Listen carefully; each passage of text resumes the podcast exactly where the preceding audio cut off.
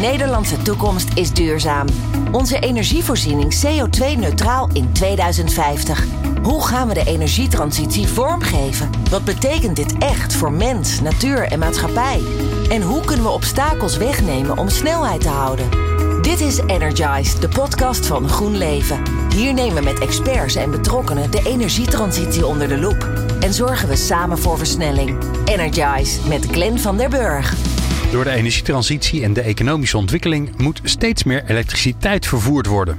Het huidige netwerk is niet bestand tegen die enorme groei. Gaat dat voor files op het elektriciteitsnetwerk zorgen? En komen daarmee de klimaatdoelen in gevaar?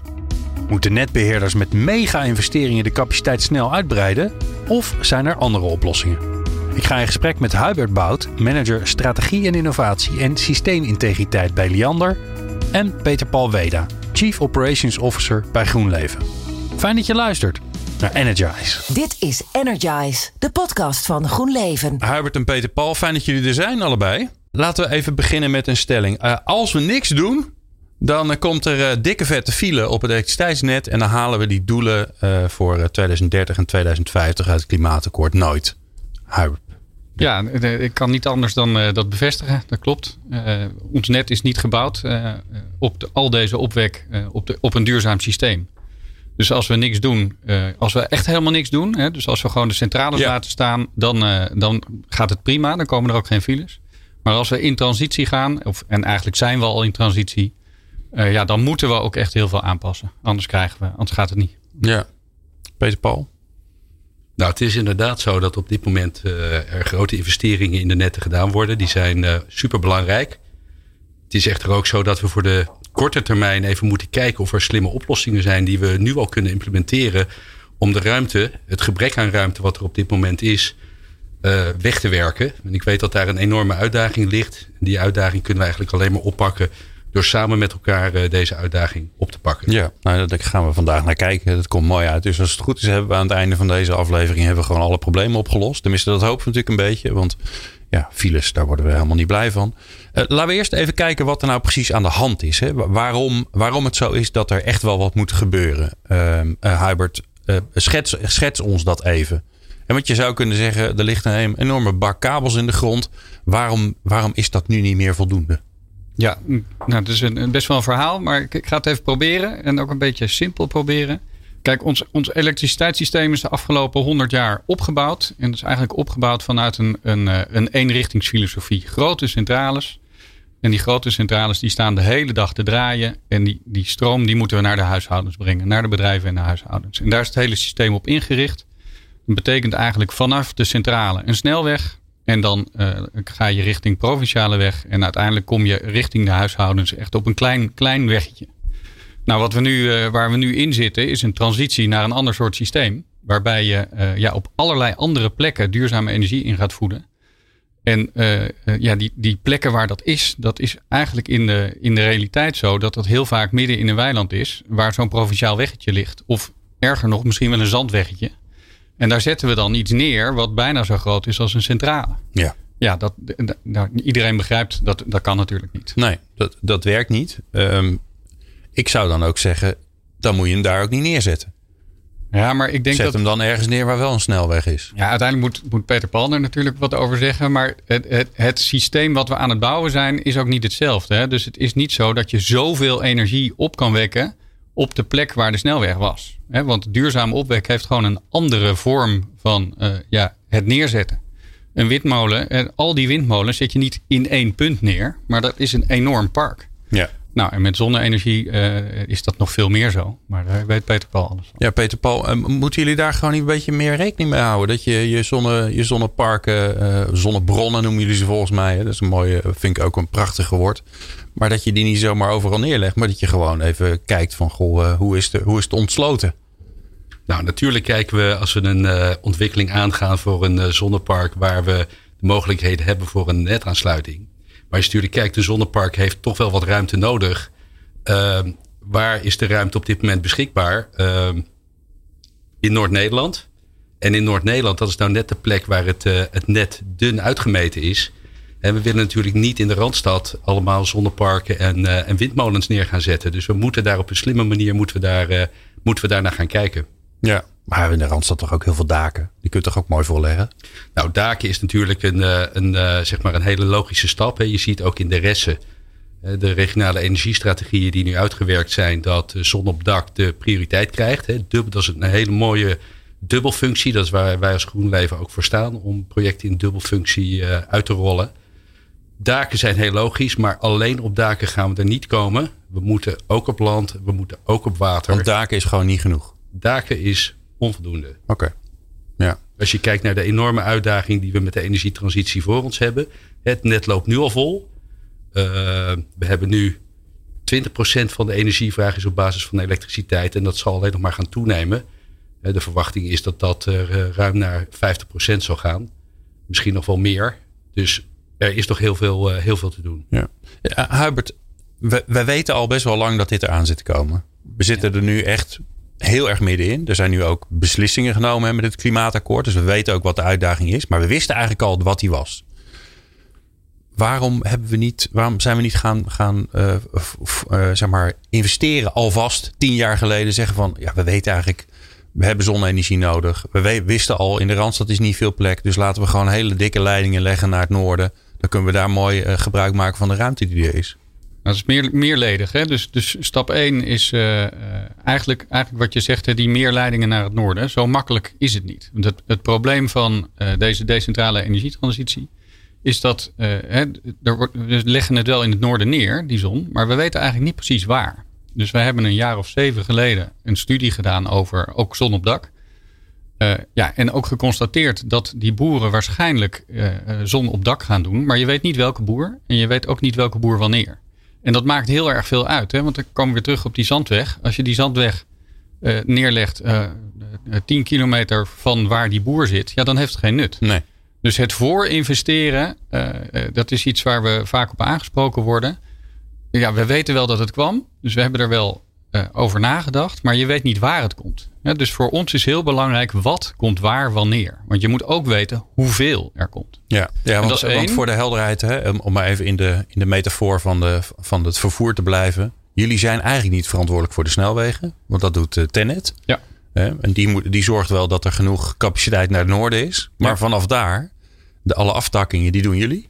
Ja, dus wij doen de aftakkingen. Maar de vraag is, waar leg je het wegennet neer? Ja. En dat is echt, en dat is best wel belangrijk. Zeker als je het hebt over die hele grootschalige zonneweides. Ja, die kan je, niet, je kan ze niet echt voorspellen. Hè. Je kan een beetje voorspellen. Dus wij kunnen wel zien waar, waar is de grond goedkoop. Waar denken wij dat het gaat komen. Maar dan kom je op, op een regio en niet op het perceel. Ja, die weg moet naar het perceel. Dus daarom, daarom konden we daar niet, uh, ja, ja, kon je dat niet voor aanleggen. Want schets ons even. Stel je voor dat je zegt, we denken dat het hier komt. We leggen hem alvast aan en hij komt niet. Wat is dan de desinvestering? Waar moet je dan aan denken? Ja, dat, het ligt er een beetje aan hoe groot het is. Maar je hebt het over miljoenen, ja. tientallen miljoenen. En als hij niet komt, ja, dan staat er dus tientallen miljoenen niks te doen. Nee. En het probleem is dat dat niet ten koste gaat van degene die het park daar niet neerzet. Maar die tientallen miljoenen, die betalen alle afnemers. Ja, en we hebben natuurlijk uh, een maatschappelijke rol. Dus wij moeten zorgen dat we uh, een zo betrouwbaar mogelijk net hebben en houden. En dus we hebben een super betrouwbaar net in Nederland. Ja. Een van de betrouwbaarste van Europa. Maar we moeten ook zorgen dat het betrouwbaar blijft en dat het betaalbaar is. Ja. En die betaalbaarheid, dat maakt dat het, het puur voor investeren uh, ja, lastig is. En, en dan ga ik, ik, ik, ga, ik denk, uh, ik heb er geen verstand van. Dus dat is, geeft mij een voordeel dat ik gewoon lekker dingen kan bedenken. Ik denk dan, um, oké, okay, Peter Paul moet dus van tevoren, die weet ook van tevoren, die weet ook langer dan twee weken van tevoren dat hij ergens een hoop zonnepanelen neer gaat leggen. Uh, als jullie dat goed afstemmen, dan kan dat vast snel genoeg. Dus, dus uh, um, Hubert, hoeveel tijd hebben jullie nodig? Dus stel je voor dat ik, ik zeg, ik ga daar een zonnepark neerleggen. Hoe lang van tevoren moeten jullie dat weten om dat een beetje ontspannen te kunnen neerleggen dan? Nou, als we het echt ontspannen neer willen ja. leggen, dan is het acht jaar van tevoren. Acht jaar? En dat klinkt heel erg lang, maar ik kan wel uitleggen waarom dat is. Hè. Dus ja, een, een, nou dat een, is lang, acht ja. jaar. Nee, maar ik kan uitleggen waarom, waarom die acht jaar zo, of acht jaar belangrijk is, of vijf jaar. Hè. Dus het ligt een beetje aan, aan uh, omgevingsvergunningen. Als het, als het gaat over een, een boerenschuur met een paar panelen op het dak, dan hoeft het helemaal geen acht jaar van tevoren. Hè. Dan moeten we van tevoren, uh, nou pak een beetje twee, drie jaar van tevoren, een indicatie hebben om te kijken of er voldoende capaciteit is. Als er niet voldoende capaciteit is, dan moeten we uh, wat dunnere kabeltjes neerleggen, zeg maar een provinciale weg aanleggen. Nou, dat kan in, uh, in een jaar of twee, drie. Maar als er een heleboel van die boerendaken zijn, dan komen al die provinciale wegen bij elkaar bij een knooppunt, zeg maar knooppunt Del. En knooppunt Del aanleggen, daarvoor moet je uh, grond kopen, daarvoor moet je bestemmingsplanwijzigingen doen, daarvoor moet je vervolgens nog bouwvergunningen hebben. Ja, dat, gaat, dat duurt tussen de vijf en acht jaar, afhankelijk van hoe groot de, de impact is. Ja.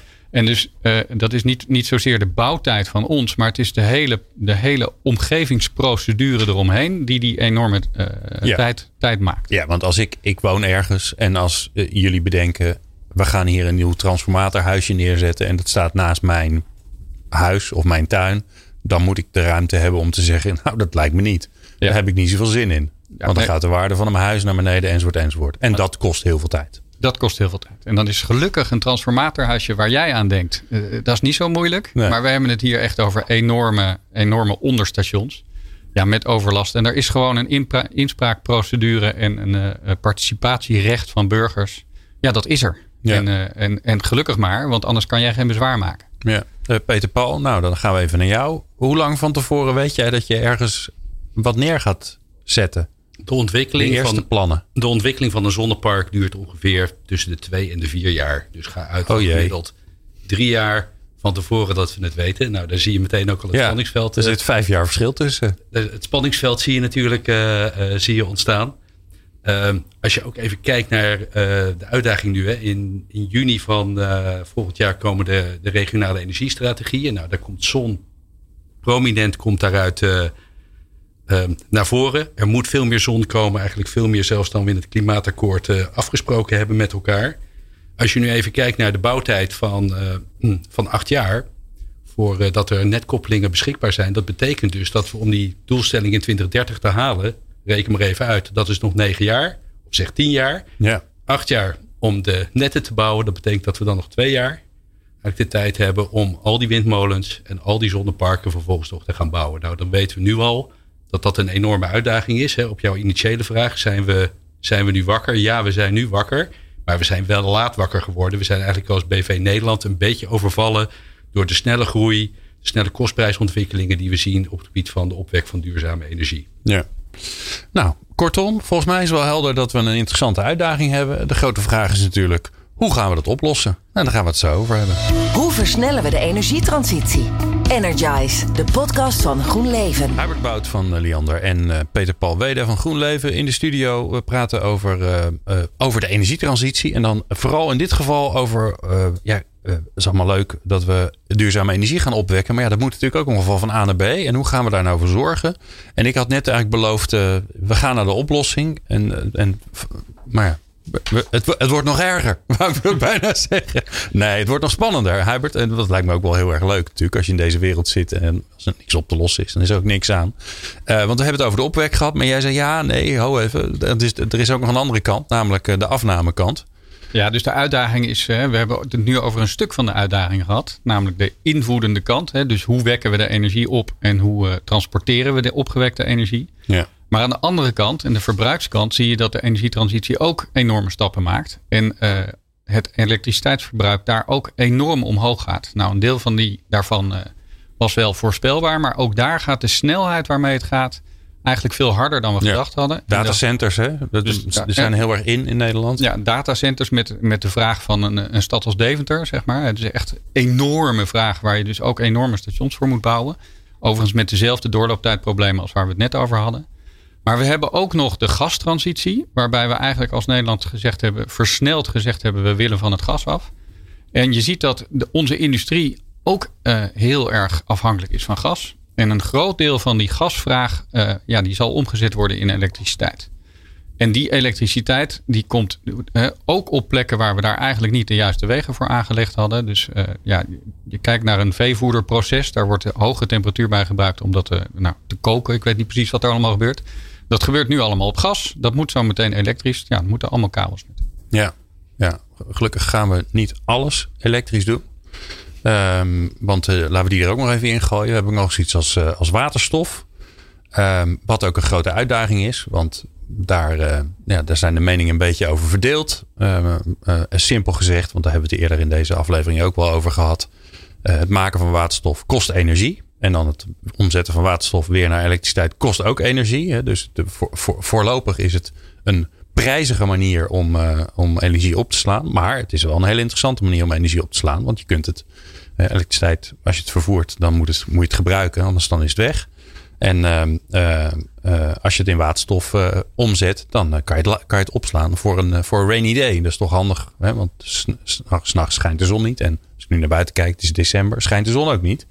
maar daar is dus wat op bedacht. we hebben Willem, aan de Vries, Willem de Vries aan de lijn, die ehm, bezig is met een waterstofproject in Oosterwolde. Willem, vertel eens even, waar, waar kijken jullie daarnaar in dat project? Um, hoi Glenn. Um, ons project in Oosterwolde, dat focust zich op um, twee dingen eigenlijk. Eén is uh, het uittesten van het combineren van een producent en een consument van elektriciteit bij elkaar. Dus die geografisch dicht bij elkaar te zetten of zelfs aan elkaar gekoppelen. Ja, wie zijn en, dat? Wie produceert en wie, uh, wie, en wie consumeert? In dit geval is dat dus een uh, zonnepark in, in, nabij het dorp Oosterwolde in Friesland. En een electrolyzer, dus een installatie waarmee je waterstof kan produceren. Ja. En het tweede wat we daar dan testen is inderdaad hoe goed je dan die twee aspecten van de energietransitie, waterstof en duurzame energieproductie, aan elkaar kan koppelen. Ja, en zo'n electrolyzer, ik zei het net al even in de intro, ja, dat kost energie om, uh, om, om waterstof te maken. Ik heb altijd begrepen dat er ongeveer 30 tot 40 procent van de, van de energie opgaat in het proces. Ongeveer.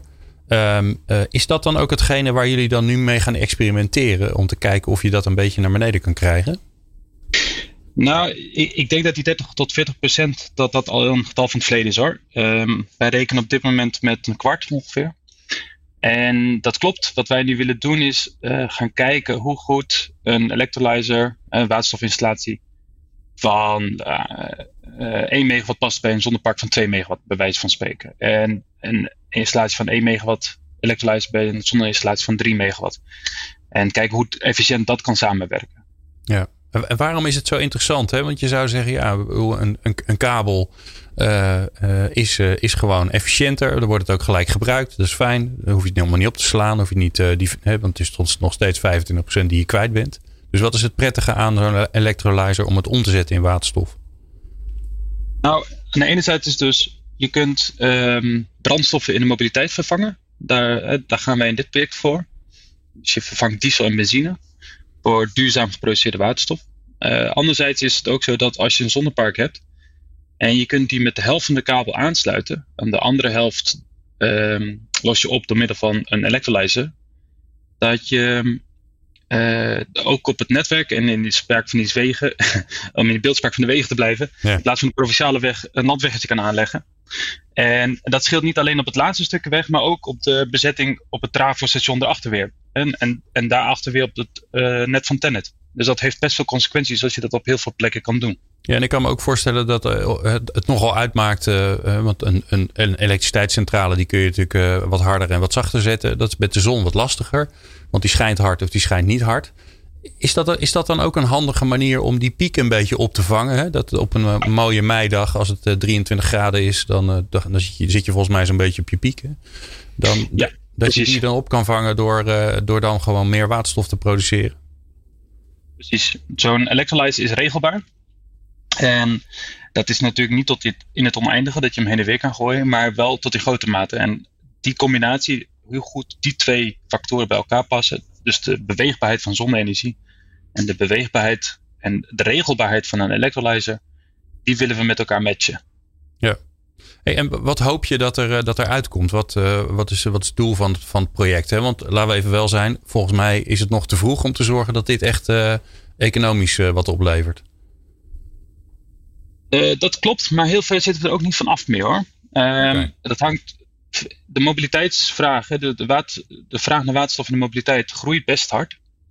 En op een bepaald moment zie je ook afname, afname zien in de, in de huizenmarkt en in de industrie.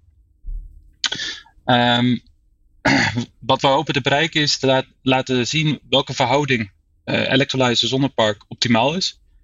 En hoeveel procent van de zonne-energie je dus effectief kan opnemen met je electrolyzer. En dat is een ideale curve, maar het is uiteindelijk ook een praktijkervaring. En die praktijkervaring, dat is hetgeen waar we nu naar zoeken. Ja, en werken jullie daar dan ook samen met de netbeheerder? Want ik kan me voorstellen dat hij dat ook interessant vindt. Want uh, ja, dit, dit, Sterker nog, dit kan natuurlijk een oplossing zijn. Sterker nog, dit is een project die we dus samen met Liander doen. Uh, Alliander moet ik eigenlijk zeggen. En uh, op initiatief ook van Alliander. Uh, dus dat is, het is een gedeeld, gedeeld doel. Mooi. Nou, nou Herbert, dan moet jij dat als, als, een, als een prachtig project klinken. Want ik zou zeggen, electrolyzer op een grote vrachtwagen en rondrijden dat ding totdat die kabel er ligt. Nou, dit is, dit is inderdaad een fantastisch project. En het, het heeft meerdere, meerdere redenen voor ons. Hè. Dus wij willen uh, ja, zo optimaal mogelijk investeren. En wat je eigenlijk ziet is dat uh, energie transporteren als elektron is een relatief dure manier van, van, van energie transporteren. En gasvormig transporteren, daar kan je veel hogere uh, energievolumes transporteren met minder kosten.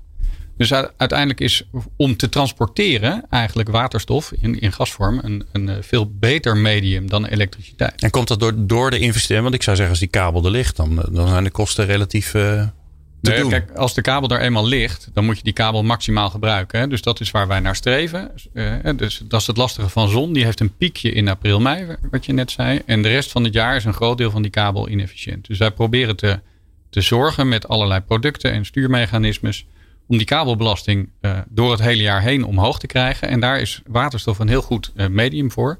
Vervolgens is wat je omgezet hebt in waterstof, ja, dat is, dat is veel goedkoper te transporteren, omdat de energiedichtheid gewoon hoger is. Ja. Waarom gebeurt dit nog niet heel veel? Ja, omdat de, de business case nog niet positief is. Dus wij zitten als netbeheerder vaak in een. Dus wij investeren voor 40 jaar vooruit. En daarmee, daarmee hebben wij een veel langere investeringshorizon dan de, dan de markt. Maar dit soort oplossingen die hebben wel impact in die 40 jaar periode. Dus daarom moeten we relatief vroeg gaan, uh, ja, gaan experimenteren. We zijn ook hartstikke blij dat we dat met GroenLeven doen. Dat GroenLeven ja, bereid is uh, om daarin mee te gaan. En, ja. en niet alleen in deze, in deze uh, pilot, maar ook in andere pilots. Ja. En Willem, wat ik, weet ik ook begrepen heb, want ik maak ook nog een podcast voor TNO, daar hebben we het ook nog wel eens over, over waterstof dat, uh, dat er ook eigenlijk relatief weinig ervaring mee is om echt op grote schaal waterstof uit, uh, uit, uh, uit zeg maar, duurzame energie te maken. Dat klopt. We hebben eigenlijk als land best veel ervaring met waterstof aan zich. Maar de productie uit du duurzame stroom, dus door middel van water, waterelektrolyse, dat is nog vrij onbekend. En waar we ook zeker gewoon geen ervaring mee hebben. En dus ook een doel van dit project is de, is de regelbaarheid ervan op basis van duurzame energie. Ja. Nou, mooi. Nou, ja, we, hebben we het dan opgelost, Hubert? Nou, uh, ja, maar, ja. Dat, maar dat is wel over. Hè, dus wij, wij praten dan wel over een horizon van na 2030. En waar we het eigenlijk nu over hebben. Dus hè, dit is aangezwengeld door het klimaatakkoord met het doel voor 2050. Dus daarom is waterstof ook hartstikke belangrijk. Maar wel met een lange horizon. Uh, maar we hebben het nu niet opgelost. Hè? En, en waarom, is die, waar, waarom is dit geen oplossing voor de korte termijn? Omdat het nog niet, uh, niet haalbaar is. Ik bedoel, we doen nu een experiment. En dat is een experiment van met een anderhalf megawatt electrolyzer in Oosterwolde naast een 55 megawatt zonnepark. Nou, dat illustreert dat het echt dat nooit op kan vangen. 1 op 55, dat is gewoon, dat, dat, is niet, dat kan niet uit. Nee. En we weten dus niet wat de goede verhouding is. Dat moeten we hier uitzoeken. Uh, maar die electrolyzer is nog veel te duur om die uh, zeg maar 25, 55 verhouding van te maken. Dus dat is echt nog uh, toekomstmuziek. Maar het is wel noodzakelijk. En uh, ja, ik ben ervan overtuigd, maar ik ben daar ook wel een beetje grijze mannen believer in, dat dit wel gaat komen. maar dat gaat wel nog een aantal jaren duren. En in die tussentijd hebben wij nu, hè, dus even wat, wat getalletjes roepen. We hebben nu iets van 6000 grootschalige zonne, zonneparken aangesloten ons net. We hebben een 400 transportbeperkingen. Die zijn niet alleen voor zonneparken, die zijn ook voor levering, dus ook voor datacenters. Even vertellen wat een transportbeperking is hoor. Dan dat, denk ik gelijk aan iemand, een vrachtwagen die niet mag rijden. Nou, en dat is het precies. Oh. dus als we weer teruggaan naar de wegenanalogie. Uh, uh, files op het elektriciteitsnetwerk, dat is iets wat eigenlijk niet kan. Want een file, dat betekent dat er niet getransporteerd wordt. En dat betekent dus ook dat je ijskast het op dat moment niet doet. Dus wij hebben als netbeheerder de plicht om de file te voorkomen. Dus wij zorgen uh, aan het begin van de snelweg uh, houden we tegen, zeg maar. En dat noemen we een transportbeperking. Nou, dat okay. is waar, waar Peter Paul mee te maken heeft. Als hij een zonnepark neer wil zetten op een plek waar eigenlijk uh, file dreigt, dan moeten wij uh, tegen Peter Paul zeggen: Sorry, Peter Zet Paul. hem maar uit. Nou, we, we willen je wel aansluiten, maar je mag eigenlijk je energie pas transporteren op het moment dat we de weg verbreed hebben. Nou, en dat, is, dat speelt nu. Dus dat speelt niet pas over tien jaar als waterstof daar eventueel de oplossing voor, voor is. Dus we moeten daar nu allerlei uh, andere oplossingen voor verzinnen. Nou, en die andere oplossingen, daar gaan we het zo over hebben. De energietransitie is in volle gang. Wat zijn de laatste inzichten? Energize. We hebben het over de energietransitie. We hebben het over het vervoer eigenlijk van, uh, van de energie. Uh, van, uh, van aanbod naar vraag. Herbert Bout van Lianders in de studio. Peter Paul Weda van GroenLeven. Um, ja, hoera. We hebben waterstof. daar kunnen we in de toekomst wat mee. Maar ja, dat is pas volgens de inschatting van Hubert echt, echt een oplossing na 2030. Nou, we hebben een aardige doelstelling tot, tot 2030 te behalen. Dus ja, we, we zijn er nog niet. Um, Peter Paul, nou, we hebben nog tien jaar. We moeten ongelooflijk veel duurzame energie gaan opwekken. Maar ja, het is leuk om het op te wekken. Als jij een transportbeperking hebt, want ik heb weer wat nieuws geleerd. Dan, uh, dan kunnen we niks met die duurzame energie. Sterker nog, dan moet jij die, je parken uitzetten. Dus waar ligt dan de oplossing? Nou, er zijn uh, een aantal oplossingen. Hè. Op dit moment zijn de netbeheerders druk natuurlijk met, met graven en met, met kabels leggen. de capaciteit zal gewoon moeten gaan verdubbelen. Even ter indicatie, wij hebben op dit moment ongeveer 100 megawatt aan uh, projecten die wij niet kunnen aansluiten, omdat we dus tegen het uh, congestie uh, vraagstuk aanlopen. Daar zitten klanten achter, daar zitten grondeigenaren achter, daar zitten gemeenten zitten daarachter. waar we dus eigenlijk nee moeten verkopen omdat we onze ontwikkeling niet kunnen doorzetten. Dus dat is in ieder geval alleen al voor ons. En wij zijn natuurlijk wel marktleider. Uh, maar is dit echt wel een serieuze issue als ik kijk naar de, de zonnemarkt en ook de windmarkt in, uh, in Nederland? Nou, er zijn een aantal uh, slimme oplossingen die korte termijn al verlichting kunnen bieden. Eén die natuurlijk al in gang gezet is, maar nog niet operationeel, is het openzetten van de vluchtstrook. Als we toch praten over snelwegen. Ik ja, kwam hier vandaag weer. Een goede metafoor, hè? Ik, iedereen snapt het gelijk. Ja de, vluchtstrook. de vluchtstrook openzetten. Het net in Nederland is dubbel uitgevoerd uh, om voor uh, de opwek van duurzame energie de vluchtstrook beschikbaar te maken. Uh, als het is, gaat, gaat een oplossing bieden, de wetgeving daarvan, daar zitten we nog even op te wachten. En het zal ook een bepaalde mate van extra ruimte geven, maar onvoldoende. Dus er zijn nog een aantal andere zaken. Maar laten we eerst de, we gaan eerst de vluchtstrook, even, vluchtstrook. even kijken of we de vluchtstrook erbij, want dat, dat helpt toch in file tijd.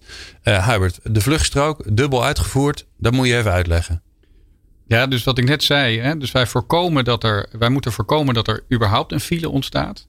En op het moment dat er een gat in de weg is, dan moeten we toch zorgen dat jij je ijskast kan laten draaien. En daarom hebben we eigenlijk, uh, uh, nou, we gaan even door met de snelweg, eigenlijk twee wegen naast elkaar gelegd. En ja, dat noemen we de vluchtstrook. Maar het is eigenlijk groter dan de vluchtstrook. Het is gewoon een, een extra weg. Het is gewoon een parallele weg. Het is een parallelweg. Het is een ja, parallelweg. We hebben hem. Een ja. parallelweg. Ja, het is een parallelweg. Alleen daar, oh, die parallelweg, daar rijdt nooit iemand over. Die dus als alles goed, ja. goed gaat, is dat een loze weg.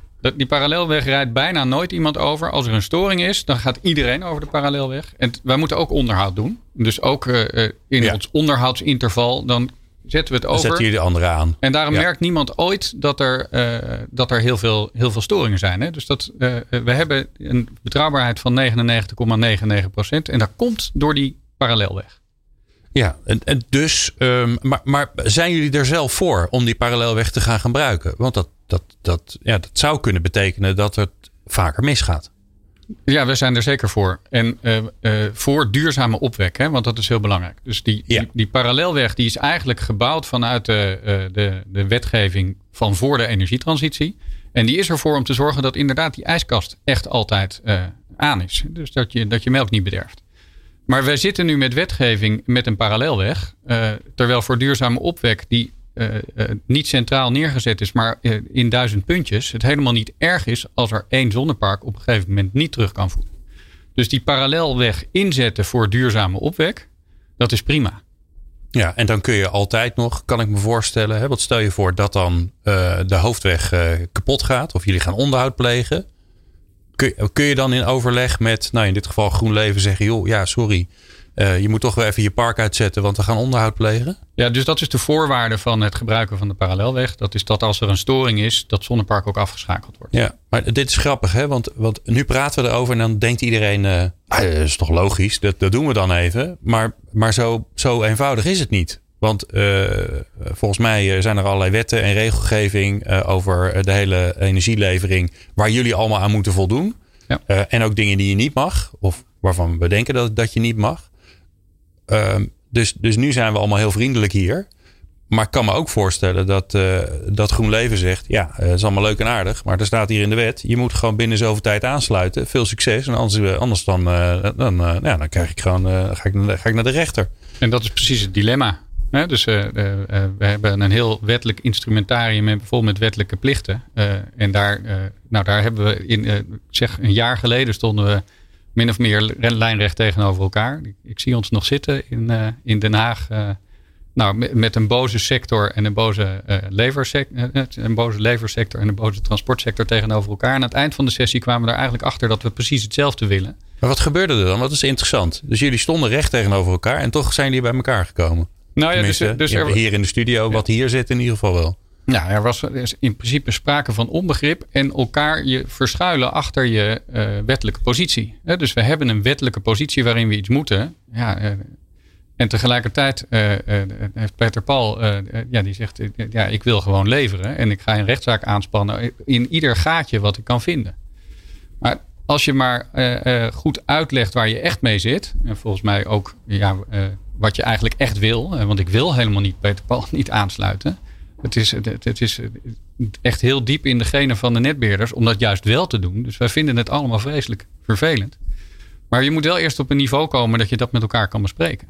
Ja. En uiteindelijk blijkt dat wij, zeg maar, want dit, dit gaat dan over, dat noemen we N-1, het gebruiken van de parallelweg of het verlaten van de vluchtstrook.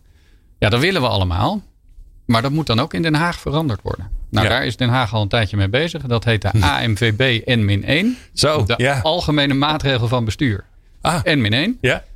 Uh, wij hebben goede hoop dat die uh, het begin van het jaar nu ook echt ingaat. Maar dat is een traject van anderhalf jaar geweest. Ja. dus één van ja, en dat is dan waarschijnlijk snel. En dat is, dat is, daar, daarom is het een AMVB. ja. Daarom is het een AMVB en niet een aanpassing van de wet. Dus, en dat is dan heel erg snel. Maar eigenlijk als je kijkt naar de snelheid van de energietransitie. De snelheid waarmee de, de, de zonneparken nu groeien. Dan is anderhalf jaar voor dat soort wijzigingen niet snel genoeg. Nee.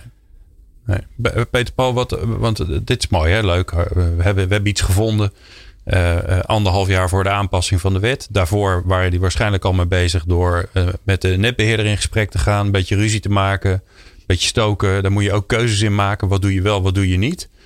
Um, ik, ik, begin me een beetje zorgen te maken over dat 2030 als ik dit hoor. Dan denk ik, ja, als je, als je, als je eerst, Robertje, moet vechten met elkaar Um, om vervolgens weer vriendjes te worden. En dan uh, weer krijg je waarschijnlijk daarna met z'n tweeën ruzie met, met uh, Den Haag. Omdat ze daar niet hard genoeg rennen. Ja, volgens mij hebben we met z'n allen een probleem. Dus wat is er nodig?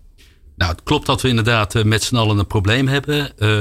we zijn op dit moment binnen Europa nog steeds het vieste jongetje van de klas. En ehm, om de doelstellingen van het klimaatakkoord te halen, zullen we echt moeten gaan versnellen. Uh, de vluchtstrook, zei ik net al, is een mogelijkheid uh, daartoe. Daar zijn we druk mee bezig. En ik moet toegeven dat de afgelopen periode de dialoog tussen verschillende partijen in de markt significant is verbeterd. Hè. Dit, uh, het voorbeeld waar we het net over hadden, het waterstofproject, is daar een, een goed voorbeeld van. Een ander voorbeeld is het convenant wat recent is gesloten tussen Holland Solar, de koepelorganisatie, en de netbeheerders, waarin we eigenlijk afgesproken hebben om onze zonneparken aan te sluiten op 70% van het piekvermogen. Daarmee creëren we toch weer extra ruimte ook op het, uh, op het net. En uh, ja, ik denk dat het goed is dat we op zo'n manier uh, met elkaar proberen samen te werken. Een volgende stap daarin zou kunnen zijn, en ik wil eigenlijk hier ook de suggestie doen om daar nog een verdere aanscherping uh, in te zoeken. ik heb niet het idee dat in dat convenant de volledige ruimte benut is die zo'n samenwerking um, mogelijk zou kunnen maken. Er zijn echter nog een aantal andere uh, zaken die denk ik belangrijk zijn. Een daarvan is uh, cable pooling. Een andere mooie term om er Zeker. even in te gooien. Dan moet je gelijk vertellen wat het is. ja, dat zal ik zeggen wat cable pooling is. Stel voor, ik heb een windpark. Dat heb ik aangesloten. En uh, nou, dan heb ik een mooie kabel. En ik heb een mooie, mooie aansluitpunt heb ik, gekregen van, van Hubert. Uh, het is alleen zo dat het opwekprofiel van wind en zon behoorlijk uh, complementair zijn. Dus je ziet dat op het moment dat de zon schijnt, echt fel schijnt, dat er weinig wind is. En op het moment dat er wind is, dat er over het algemeen geen zon is. Dus die twee. De gemiddelde zeiler weet dat, hè? De gemiddelde. Ja. Dus als je een wind- en een zonnepark combineert, bijvoorbeeld op dezelfde locatie of op dezelfde aansluiting, heb je geen uitbreiding van de, uh, van de netaansluiting heb je nodig. En kan je dus eigenlijk daarin een verdubbeling, bijvoorbeeld van de capaciteit of een verdere uitbreiding van de capaciteit mogelijk maken. En waarom gebeurt dat nog niet? Lijkt me een no-brainer. Het is een no-brainer. Het is alleen zo dat stel voor, ik ben die windontwikkelaar. Ik heb die, die netaansluiting. En dan komt GroenLeven komt langs en die zegt, joh, we zouden graag gebruik hiervan willen maken. En dan zegt hij van, ja, nou, goh, goh interessant hè. wat krijg ik daarvoor? Dus dan wordt er meteen gesproken over. Uh, wat krijg ik voor de aansluiting die, eh, de, die, de, die het, het Nederlandse wat, volk daar neer heeft gelegd? Wat, wat, wat, wat, krijg, of wat, wat, moeten wij betalen om aan te kunnen sluiten op de aansluiting die in principe van hem is, maar op de momenten dat wij hem willen benutten, hij die niet gebruikt? Dus dat is een hele rare situatie. En wat wij eigenlijk willen is dat het hebben van zo'n netaansluiting geen recht is, maar dat we die boel open moeten zetten. En dat er dus de mogelijkheid komt om wind en zon te combineren. Dit is wel interessant. Hè? Ik, ik zet ergens een, een, een, windpark neer. En dan krijg ik een aansluiting. Of krijg ik een aansluiting. Moet hij betalen eigenlijk die aansluiting? Ja, dus hij moet voor een deel betalen. Dus wij moeten het, het onderliggende net, dat, uh, dat moeten wij betalen. Dus dat betalen wij allemaal met elkaar. Ja.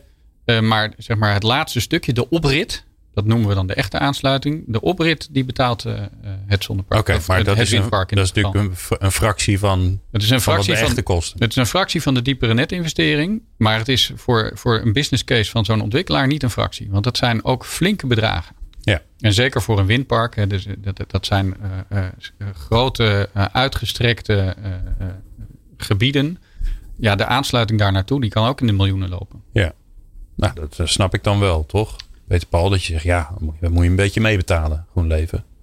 Nou, een beetje meebetalen uh, betalen is op zich prima. Maar we komen bijvoorbeeld nu in een situatie bij de Krammersluizen. Om even een voorbeeld te noemen. In Zeeland, uh, zijn gebied uh, sluis van Rijkswaterstaat. Die willen daar drijvend zonneparken realiseren. Is dat de windontwikkelaar heeft gezegd, joh, ik wil niet poelen. we houden de deur gewoon op slot. En daarmee eigenlijk de deur uh, voor een eerlijke concurrentie uh, en een normale prijsstelling uitsluit. En ik denk dat dat niet in het belang is van een, een, een kostenefficiënte energietransitie. Ja. Dus wij pleiten ervoor om de boel open te zetten. En ik zou willen zeggen, laten we tussen de netbeheerders, de wind- en de zonontwikkelaars samen proberen een convenant op te stellen hoe we dit met elkaar efficiënter kunnen, voor elkaar kunnen krijgen. In plaats van, nou zeg maar even, de, de, de padstelling waar we nu in zitten uh, vast te houden. Ja, alright. We gaan uh, zo naar uh, het laatste blokje. En dan gaan we even naar de toekomst kijken. ja, wat, er, wat er moet gebeuren. Zijn we natuurlijk eigenlijk al stiekem een beetje aan het doen. Maar dan gaan we naar, naar lekkere concrete dingen. Waarbij we zeggen, nou, we hebben nog tien jaar. Um, wat, wat gaan we allemaal voor elkaar fixen? En wie, wie hebben we daar eigenlijk bij nodig? Dat hoor je zo. Zoveel uitdagingen, zo weinig tijd. Hoe doen we dat? Energize. Hybrid Bout van Liander en uh, Peter Palweda van GroenLeven in de studio. Nou, we zijn al lekker oplossingen aan het uh, bedenken, dus dat is mooi. We hadden net even het cable poelen. Ik leer elke dag weer nieuwe dingen. Um, ja, Hubert, daarin zijn jullie denk ik een onafhankelijke partij waarvan je zegt, ja, jongens, uh, daar kunnen we niet zoveel in betekenen. Of nou, zeker niet. Want uh, wij zijn zelf een, een, voorstander en ook een aandrager van het cablepoelen. Want als je cablepoelt, betekent dat dat je ook je diepere netten minder dik hoeft aan te leggen. Dus hè, wij zijn uh, vanuit onze maatschappelijke rol groot voorstander van het cablepoelen. En wat Peter Paul net al aangaf, hè, dus daar is financiën zijn een probleem, maar het is ook de juridische aansprakelijkheid. Hè? Want wie heeft nou de verantwoordelijkheid over die aansluiting? Nou, dat zijn, zijn allemaal, het zijn allemaal dingen die niet zozeer in de praktijk liggen. Hè, want die kabels die komt de grond wel in. En die elektronen gaan wel over die kabel heen. Maar het ligt allemaal in de juridische, uh, wettelijke, regelgevende sfeer. Is er nou iemand die daar de regie over heeft? Want ik kan me voorstellen, dit popt op. Dit is een oplossing. Dat, er, dat, we iemand, hè, zeg maar even iemand, een, een, een, een, een pittige vrouw of een pittige man nodig hebben. Die zegt, hé, hey, maar wacht even. Dit is een oplossing. Er zijn belangen, die zijn tegengesteld. Ik ga nu als een dolle met iedereen praten. Ik ga ze in een hok stoppen. Nou ja, of virtueel in een hok stoppen. Ik ga uh, uh, zorgen dat we sneller eigenlijk door die fase van uh, we hebben tegengestelde belangen naar we hebben dezelfde belangen. Want iedereen weet, daar heb je altijd even een proces voor nodig. Die, die daarvoor gaat rennen. Is er zo iemand die dat gaat regelen? Of moet hij het allemaal zelf maar een beetje uitzoeken? Ja, ik denk, dus het allemaal bij één persoon als regie neerleggen is volgens mij niet de oplossing. Want dan kom je in een, in een technocratische dictatuur terecht. aan zich vanuit mijn ingenieursopleiding natuurlijk een hele mooie oplossing. Maar laten we eerlijk zijn, dat is denk ik niet een oplossing. Ja, waar we zijn geen China. Nee, we zijn geen China. Dus ik denk dat wij echt, en daar hebben we echt al hele grote stappen gezet, dat we als sectoren dichter bij elkaar moeten zijn. Maar de snelheid waarmee we dit soort discussies ook in Den Haag aan kunnen, aan kunnen gaan, die moet wel echt omhoog. Ja. Peter dus Paul, is daar een soort olievrouwtje uh, zeg maar even voor nodig? Nou, wij zitten uh, altijd te denken van wat zou het toch mooi zijn als er uh, vergelijkbaar met uh, de Delta-werken een soort van Delta-commissaris zou komen, maar dan op het gebied van de energietransitie. Iemand, en dan zou, maar die is toch, Ed, Ed Nijpels? Iemand die, iemand die ja, Ed, Ed is er, dat klopt. maar wij zoeken iemand die verbinding kan geven, richting kan geven en ook kan, kan versnellen daarin, los van de politiek. Ik denk dat dat heel belangrijk is. Maar ik heb het aan hem gevraagd. Hij staat enorm los van de politiek, vindt hij zelf. Daar ga ik, of eh, dat zo is, is het tweede. Maar. Daar, daar, ga ik even eh, niet verder op in. Maar los van zeg maar, toch de wat meer korte termijn gedachten en de trends. Uh, kijk bijvoorbeeld naar het debat rondom biomassa. Eerst was biomassa hot. Ja. En nu is biomassa is koud. En we zien dat eigenlijk ook in de energietransitie op toch een aantal dossiers gebeuren. We zoeken iemand en een vrouw is, daar denken wij de ideale persoon voor. Iemand die verbinding uh, kan zoeken tussen verschillende partijen met verschillende inzichten om de boel voor elkaar te krijgen. En ik denk dat het ook belangrijk is, is dat we naar, uh, op Europees niveau uh, daar naar kijken. Want het is natuurlijk niet zo dat we hier in Nederland op een eiland zitten. Het kan niet zo zijn dat als in zeg maar ergens anders de zon niet schijnt of als ergens het water op is, de hydropower op is, dat wij dan hier droog zitten. Dus het vraagt echt wel afstemming op, op een hoog niveau tussen partijen. Oké, dus de, de, als jij zegt van nou, als we iets moeten doen in, in, op korte termijn, dat is dat we die energiecommissaris nodig hebben. Alright. Zouden wij mooi vinden als die er zou komen. En ik denk dat dat ook een mooie uitdaging is voor uh, de verkiezingen, voor de, voor de programma's van de politieke partijen. Okay. Om daar eens over na te denken of dat een element zou kunnen zijn. Ja, Hubert, want we gaan hard naar de afronding. Waarvan zeg jij van nou, als we dat op korte termijn doen, dan zal het de boel, behoorlijk uh, verspoedigen? Nou, dus ik denk dat we er nog aan toe moeten voegen. En dat is eigenlijk een verlenging van het restproces. Dat we ook echt veel integraler met elkaar moeten kijken naar welke uitdagingen komen waar. Dus wat, wat, waar ik mee begon, wat komt waar wanneer. Want als we dat beter weten, dan kunnen we daar ook veel, veel beter met elkaar op plannen. En als we met elkaar eh, zeg maar een uitvoeringsplanning hebben, ja, dan kunnen we ook veel gerichter werken om te zorgen dat het op tijd klaar is. Een probleem wat wij ook nog hebben is, uh, en dat heeft eigenlijk heel Nederland, is uh, schaarste technische capaciteit. En daarmee is het ook zo dat we niet op iedere plek in ieder weiland tegelijkertijd kabels kunnen leggen. Dus wij, wij, geloven er echt in dat je dat wat planmatiger moet doen. Nou, dat, dus wij juichen ook regie toe. En dus wij denken dat er regie moet zijn regionaal ja, op de plannen en ook in de uitvoeringsvolgorde. En inderdaad ook regie om, om ons te ondersteunen om bij elkaar te komen om dit soort problemen te adresseren. Mooi. Nou ja, uh, jullie zijn altijd welkom hier in de studio. Uh, als jullie zeggen, joh, we komen er even samen niet uit, dan doen we gewoon een, uh, een, een, een, online live sessie waar iedereen mee kan luisteren om te zorgen dat we weer dezelfde kant op lopen. Maar als ik dit zo hoor en ik zie hoe jullie samenwerken, dan zit het hier in ieder geval tussen deze partijen wel snor. ik dank jullie zeer, Hubert Bout van Liander en Peter Paul Weda van Groen Leven. Bedankt voor het luisteren naar Energize, de podcast van Groen Leven. Meer afleveringen vind je in jouw favoriete podcast app.